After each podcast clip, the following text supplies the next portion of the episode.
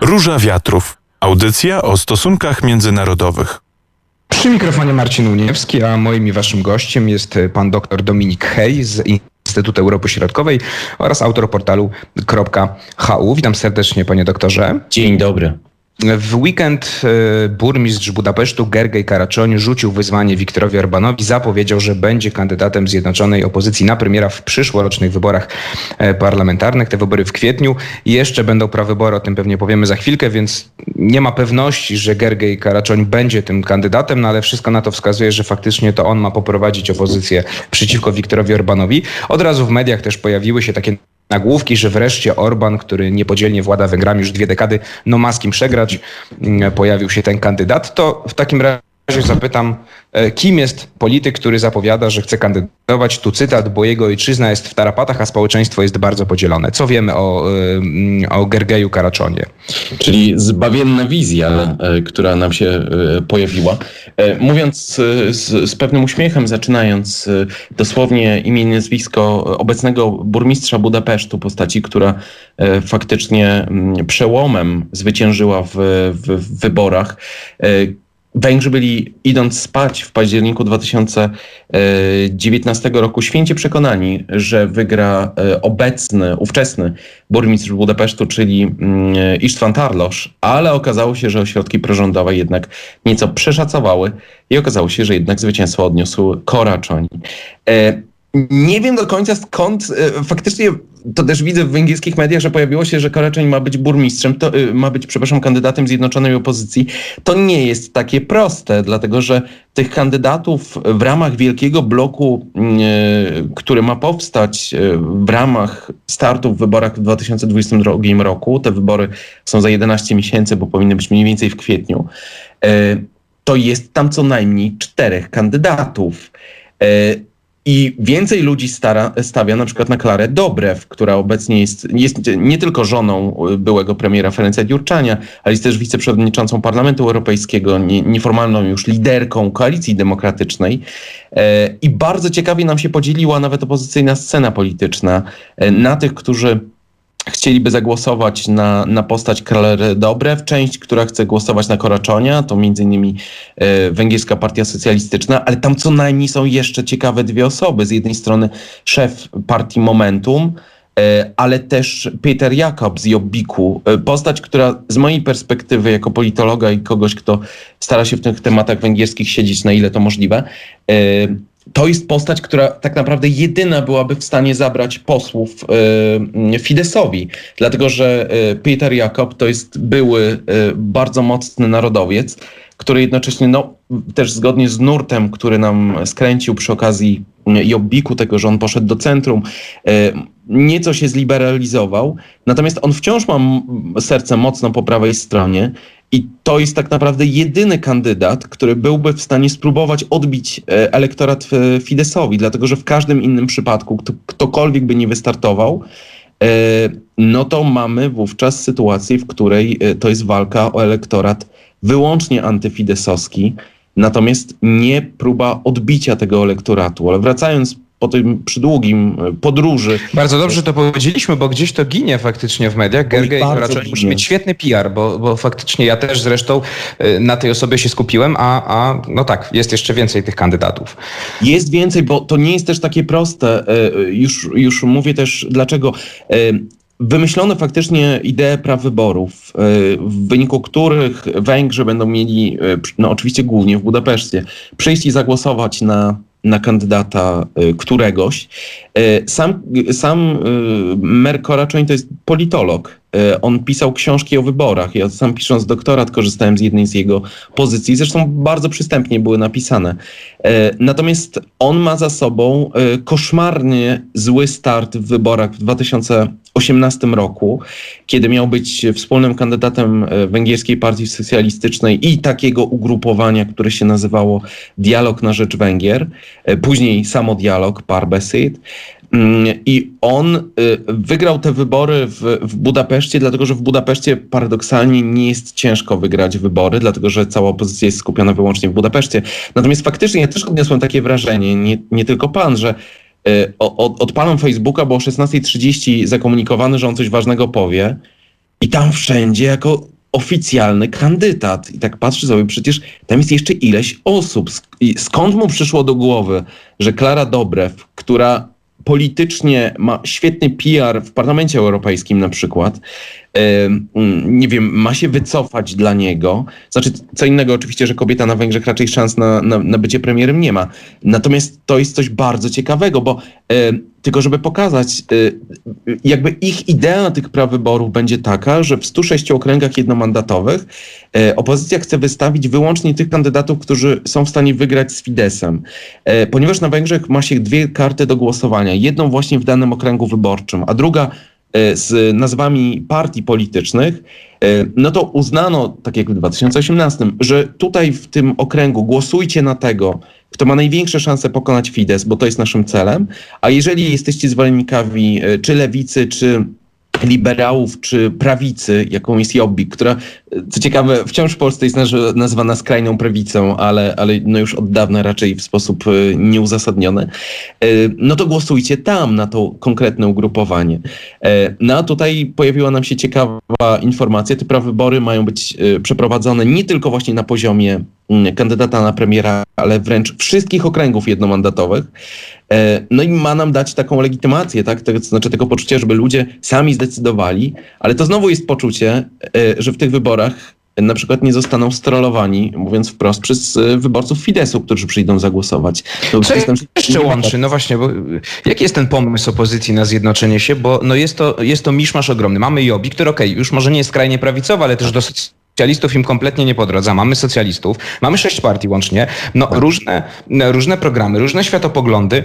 Na jakiej bazie ma ta współpraca? Praca przebiegać. Prawybory rozumiem i wybór y, tych 106 kandydatów, tak? Y, y, czy coś jeszcze? Jak ma wyglądać nie, ta, ta to jest, taka podstawa? To jest, nie starczyłoby czasu ani prawdopodobnie chęci i próby utrzymania zainteresowania słuchaczy, żeby wytłumaczyć, jak bardzo to jest zawiłe, dlatego że system wyborczy na Węgrzech został jeszcze tak przerobiony w grudniu ubiegłego roku, żeby mimo wszystko jeszcze bardziej utrudnić start skoordynowanej opozycji. Pamiętajmy, Fidesz rządzi na Węgrzech od 11 lat.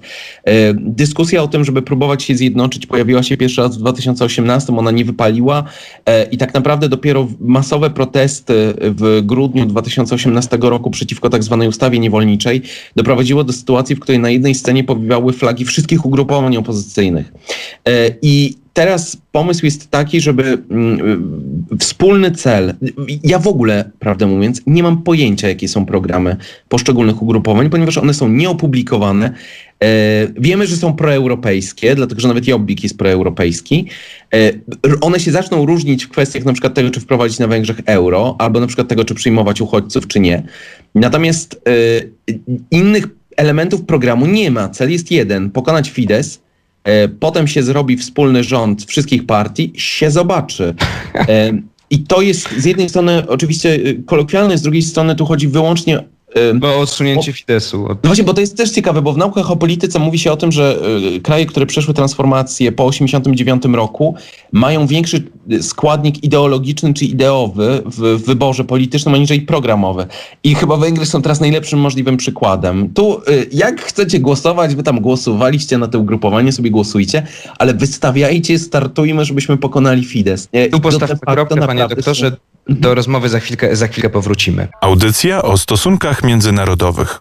To jest Róża Wiatrów. Moim i waszym gościem jest e, pan dr Dominik Hej z Instytutu Europy Środkowej oraz z portalu e, .hu. A my rozmawiamy o sytuacji na Węgrzech. Opozycja do tej pory rozdrobniona, pokłócona, co było siłą zresztą Wiktora Orbana, mm, e, połączyła się. Jest to miszmasz różnych światopoglądów, różnych partii, Jobbik, socjaliści, liberałowie, ale jeden cel jest, czyli wygrać z Wiktorem Orbanem w przyszłorocznych kwietniowych wyborach. W weekend burmistrz Budapesztu Budapesztu, Gergej Koraczoń, no, ogłosił, że on startuje, media podchwyciły mm, i y, pan został tak naprawdę ogłoszony de facto kandydatem opozycji na e, premiera, chociaż, tak jak pan doktor powiedział w, w naszym pierwszym wejściu, nie on jeden tylko będzie się starał o taki tytuł kandydata na premiera. To ja zapytam panie doktorze, jak w takim razie prowadzić kampanię w realiach węgierskich, kiedy Fidesz ma większość konstytucyjną, kiedy Fidesz całkowicie kontroluje prasę i telewizję, o tym w polskich mediach bardzo dużo przecież mówiliśmy, informowano o tym, jak wyglądało to przejmowanie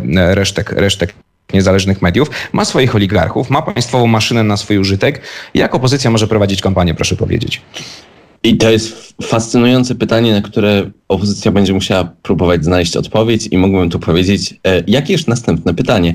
E, a tak zupełnie serio, to naprawdę sytuacja jest bardzo trudna, dlatego że... Nakreślmy jakieś ramy oczywiście, oczywiście no, to, to, jest... to, mówiąc oczywiście przewrotnie. Sytuacja nie jest prosta i być może tutaj jednak trzeba podprowadzić, co zrobił Fidesz w, w grudniu.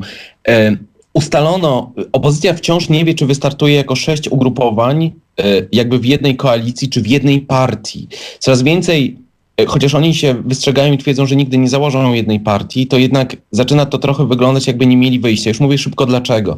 Dlatego, że Fidesz y, zmienił prawo w taki sposób, że aby móc wystawić listę krajową, czyli tę, gdzie zagłosujemy wyłącznie na Fidesz, y, dobra, Fidesz, Jobbik, nie wiem, Koalicję Demokratyczną i tak dalej, gdzie głosujemy tylko na partię, trzeba mieć wystawionych 75 kandydatów w okręgach jednomandatowych, czyli spośród tych 106. Y, czyli jeżeli zechciał pan powiedzieć, że jest 6 partii razy 75, to znaczy, że oni tylu kandydatów muszą wystawić, żeby móc startować jakby każdy osobno. No, Fidesz zrobił to oczywiście po to, żeby opozycja nie mogła mówić o kooperacji technicznej, tylko wręcz będzie musiała trochę mówić o tożsamościowej, to znaczy będą musieli prawdopodobnie założyć jedną partię. E, każdy się wzbrania, żeby o tym opowiedzieć, ale być może to jest alternatywa. E, będzie bardzo trudno e, wpłynąć na, na rządy Fidesu albo nadać przede wszystkim ton retoryczny.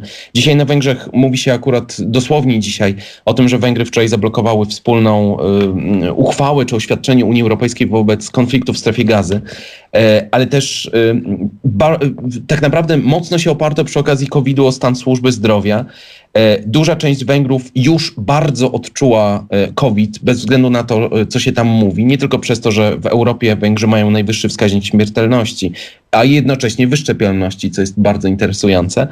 E, ale też przez to, co się będzie działo z tym państwem w, w, czasie kryzysu ekonomicznego, który na pewno w Węgry uderzy, a w 2008 roku uderzył w straszny sposób.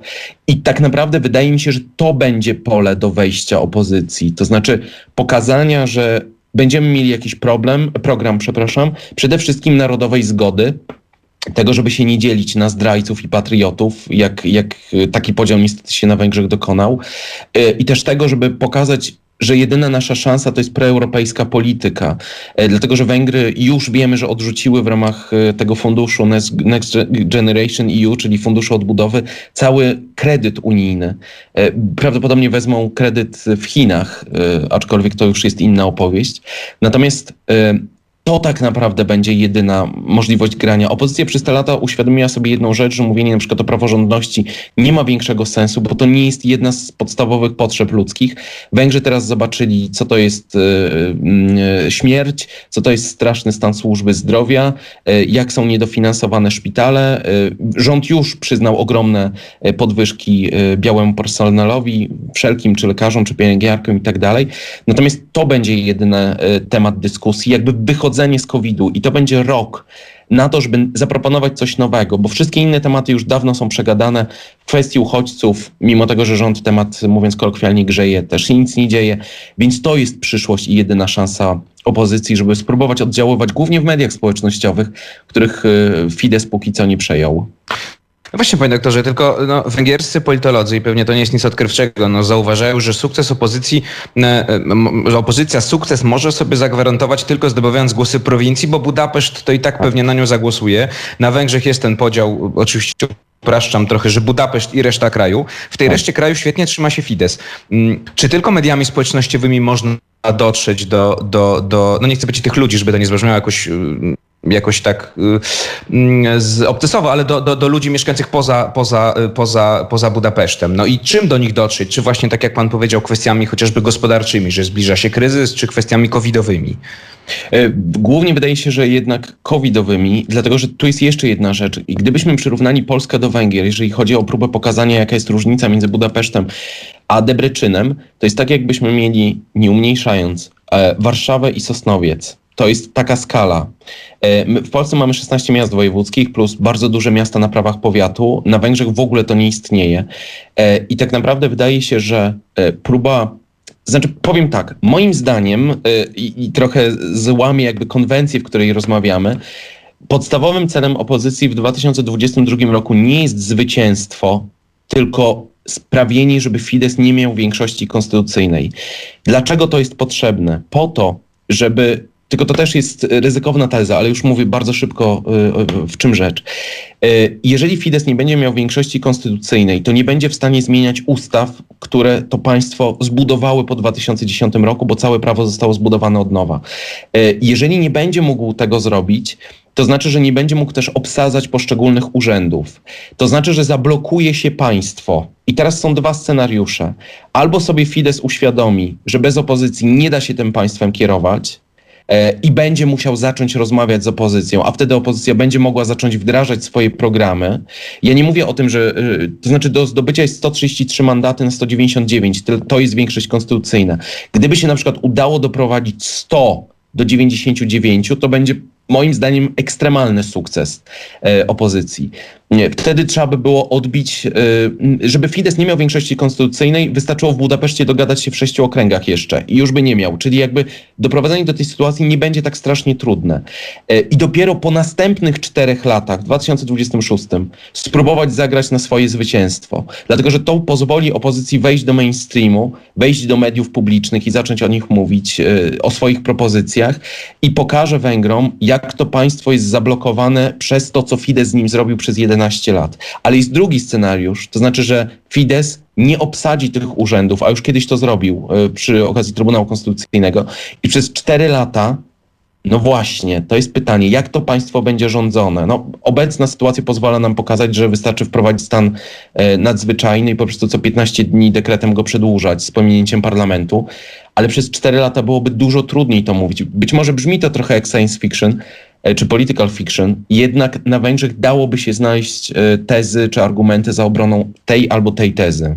Do rozmowy za chwilkę powrócimy jeszcze w trzeciej części Róży Wiatrów. Róża Wiatrów. Audycja o stosunkach międzynarodowych. Moim i waszym gościem w ostatniej części Róż Wiatrów jest cały czas pan dr Dominik Hej, Instytut Europy Środkowej oraz portal.hu, a my rozmawiamy o sytuacji na Węgrzech. Opozycja się zjednoczyła, ma wybrać e, kandydata, chociaż chyba przedwcześnie Gergej Koraczoń, czyli burmistrz Budapesztu w weekend ogłosił się takim kandydatem opozycji na premiera i na przeciwnika Viktora Orbana. Będą prawybory w tym roku jeszcze, zostanie wyłoniony kandydat opozycji, opozycja ma iść razem, chociaż szerokie spektrum, bo i Jobbik, czyli partia prawicowa i socjaliści, liberałowie, no ale cel jest jeden, odebrać władzę Wiktorowi Orbanowi. E, dwa pytania, panie doktorze. Na koniec e, jedno jeszcze zostając w tym, co pan zaczął mówić, żebyśmy właśnie uświadomili mm, słuchaczom tą sytuację. Nawet gdyby opozycja wygrała, no bo sondaże pokazują, że ma szansę, e, mm, że idzie web w web z Fidesem, tak. oczywiście jest jeszcze rok do tego, to pytanie tylko, czy nawet jeśli przyjmijmy, że zdobyliby władzę, to czy byliby w stanie rządzić państwem, w którym no właśnie Fides ma obsadzone wszystkie Wszystko. instytucje, nie, sądy, nie, nie. media, ma swoich oligarchów, ma kupę pieniędzy, mówiąc bardzo kolokwialnie, czy to nie byłby paraliż i za chwilę nie musiałoby się odbyć kolejne wybory tak naprawdę, które pewnie spowodowałyby, że Fidesz wróci do władzy? E, czy kolejne wybory musiałyby się odbyć? Myślę, że dbano by na wszystkie sposoby o to, żeby to się nie zdarzyło. Natomiast y, państwo Fidesz trwać będzie pomimo porażki Fidesz i to jest 100% pewności, że tak będzie. Y, to widać też, Fidesz każdą ustawę, którą uchwala, która jest dla, z jego politycznej perspektywy istotną, e, obwarowuje potem e, większością dwóch trzecich, żeby ją zmienić. E, to oczywiście posłów obecnych na sali, czyli przy założeniu 199, no to potrzebujemy 133. W związku z tym, nawet jeżeli Fidesz przegra wybory, to y, opozycja i tak nie będzie w stanie nic zrobić bez Fidesu. Dlatego wydaje mi się, wracając do tej y, refleksji sprzed, sprzed krótkiej przerwy, że najrozsądniejszym wyjściem byłoby doprowadzenie do sytuacji, w której e, Fidesz pozostanie przy władzy, ale będzie musiał się nią podzielić. To jest e, trochę taka transformacja ugodowa jak po 1989 roku e, w Polsce, no bo na Węgrzech akurat wybory były w pełni mhm. wolne. Ale doproszenia do władzy i tego, żeby opozycja dopiero mogła wymyśleć, co zrobić w ciągu czterech lat. I Dlatego, pokazać jeżeli... się ludziom, rozumiem, tak, tak wtedy. I przede wszystkim pokazać, że bez niej się nie da. Dlatego, że jeżeli będzie odwrotnie i to, nie wiem, nawet Koraczoń będzie premierem, to Fidesz będzie cały czas nabijał narrację, e, a przecież tych mediów, nawet wielkich, zjednoczonych w koncernie, gdzie jest ich prawie 500, przecież się nie, nie zmienią właściciela, nie staną się pro, pro rządowe. to znaczy pro, pro opozycyjne, tak? Mhm. Mówimy tu o sytuacji, w której na pewno opozycja odbiłaby prawdopodobnie urzędy, to znaczy media publiczne i to też nie do końca, bo tam jest dużo stanowisk na 9 lat. Natomiast to by pokazało, bo inaczej Fidesz będzie mówił, no widzicie, oni są nieporadni, tak, no bez nas nic nie zrobią. A tu, gdyby ta opozycja przegrała, ale byłaby e, taką bardzo ważnym elementem w tej układance, miałaby większe szanse. Natomiast aspiracje oczywiście, jak w każdego e, partnera politycznego, to jest zwyciężyć, tak? Natomiast to nie będzie proste i tak naprawdę dogadanie się w tej sprawie wydaje mi się jest łatwiejsze e, teraz przez 4 lata, niż nagle to wszystko przejąć i trochę nie wiadomo, co z tym zrobić. To ostatnie już pytanie, panie doktorze. Yy, oczywiście do wyborów jest bardzo dużo, nie wiemy, jak się to wszystko potoczy, jakie będą scenariusze, ale załóżmy, że Fidesz utraci władzę albo zostanie osłabiony. Czy biorąc pod uwagę różne wizje opozycji. Mm, Węgry, czy zmieniłby się kurs Węgier w stosunku do Rosji? Pytam o to, bo to jest ważne i, z, i często ten temat w Polsce wraca. No w Unii Europejskiej też Węgry są widziane jako taki trochę koń trojański Rosji, prawda? No Viktor Orban e, ma e, specyficzne relacje z Władimirem Putinem inne niż większość przywódców europejskich. Węgry są też energetycznie chociażby coraz bardziej od Rosji uzależnione. Czy to by się mogło zmienić, czy to jest jednak kwestia jakichś takich większych interesów i tutaj zmiana władzy, czy, czy, czy współrządzenie nie zmieniłoby tego raczej? Y, mówiąc tylko o uzależnieniu węgiersko-rosyjskim, y, to ja wręcz stawiam tezę, że wielokrotnie propaganda Kremla y, wypowiadana jest ustami węgierskich polityków, bo trzeba sprawę tak stawiać, choćby w temacie Białorusi czy, czy Ukrainy. Ale odpowiadając na to pytanie, temat prorosyjskości też nie jest taki prosty, dlatego że pamiętajmy, jakie są zarzuty do Jobbiku. No właśnie dlatego pytam, bo z jednej strony mówi pan, to są partie proeuropejskie, no ale właśnie nie jest tak czarno-biało, prawda, że nagle... E, tak, dlatego myślę, że w dużej mierze ten kurs, on by się pewnie osłabił, natomiast y, nie byłoby odwrotu y, na, na taki y, y, antyrosyjski, dlatego że ten partie opozycyjne uświadomiłyby sobie też, że choćby kontrakty gazowe, które będą podpisane, właśnie zobaczymy, na ile będzie podpisany kontrakt gazowy, który musi być podpisany w tym roku, bo to też pokaże, jakie nastroje są w Fidesie. Viktor Orban powiedział, że nigdy więcej nie podpisze długoterminowej umowy, ale jeżeli ją teraz podpisze, to będzie oznaczało, że liczy się z tym, że być może może y, coś się zdarzy tak, w najbliższym czasie, co być może będzie musiało mm, jakby zabezpieczyć, tak nazwijmy, wpływy y, rosyjskie na, na przyszłość.